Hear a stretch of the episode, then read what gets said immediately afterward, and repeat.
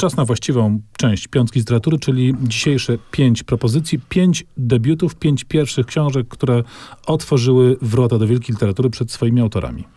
I zaczynamy od Tadeusza Kozłowickiego i kasus to bardzo trudny, bo e, debiut e, to jedno, a pierwsza książka to drugie w jego wypadku. No właśnie, to nie zawsze idzie tak prosto. No właśnie, przypomnijmy, że e, debiutem e, Tadeusza Konwickiego, e, tym drukowanym, wydanym e, była książka wydana w roku 1950, która nosiła tytuł Przy budowie i był to produkcyjniak. Jeden w ogóle z pierwszych produkcyjniaków napisanych w języku polskim. To był e, wręcz modelowa powieść socrealistyczna stawiana za wzór. Rzecz dotyczyła robót budowlanych, które miały być ukończone 22 lipca, ale tam była cała masa nieprzyjemnych opóźnień spowodowanych no, wrogim klasowo elementem. Natomiast Natomiast właściwą pierwszą książką Tadeusza Koduńskiego była książka zupełnie e, inna, e, wyśmienita i myślę, że do czytania nadaje się w dalszym ciągu. Książka nosiła tytuł Roysty, została napisana w 1947 roku, a więc na trzy lata przed tym e, debiutem drukowanym, a wydana ze względów cenzuralnych ze sporym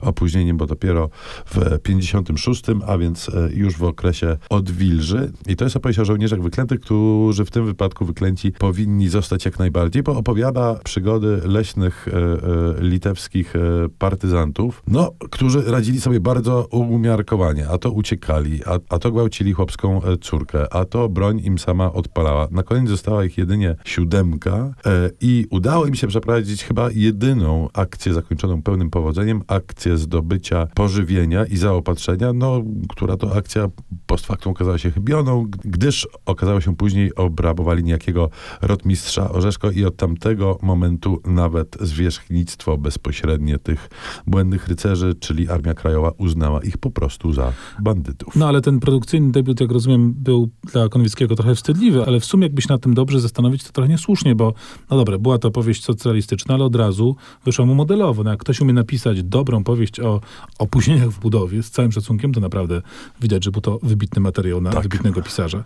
Trochę innym przypadkiem jest debiut y, Herberta George'a Wellsa, autora bardzo znanego i autora, który no, jest absolutnie kanoniczny dla literatury fantastycznej, bardzo szeroko rozumianej, bo on od razu, od razu wypalił. On od razu strzał w dziesiątkę. Tak, rzeczywiście to nie było, nie było momentu wahania. W 1895 roku ukazuje się jego Wehikuł Czasu, książka kanoniczna. Do dzisiaj chyba nikt nie wymyślił, nie napisał lepszej opowieści o wehikule czasu i komplikacjach, które z tego mogą wynikać.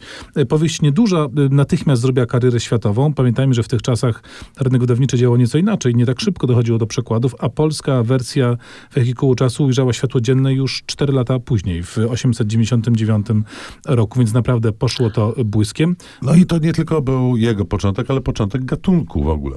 Tak, bo w ogóle Wells miał to do siebie, że oprócz tego, że debiut miał trafiony, to jeszcze napisał przynajmniej kilka książek, które otwierały nowe tematy w literaturze i były absolutnie najgenialniejszymi realizacjami tego tematu. Nikt lepiej najazdu obcych na Ziemię nie opisał niż, niż właśnie Wells w Wojnie Światów. Y, Wyspa doktora Moreau, bodajże jego czwarta książka też jest takim wielkim przykładem znakomitej i ambitnej literatury pokazującej tego, co nauka może y, zrobić z człowiekiem i światem. No po prostu facet miał, miał oko do trafionych tekstów i Wehikuł Czasu jest y, rzeczywiście znakomitym tego przykładem. Czas na krótką przerwę muzyczną, po której wrócimy do e, debiutów, a przerwa e, muzyczna też będzie debiutancka, bo przed państwem e, liverpoolska czwórka, zespół The Beatles z pierwszej płyty długogrającej utwór pod tytułem I Saw Her Standing There.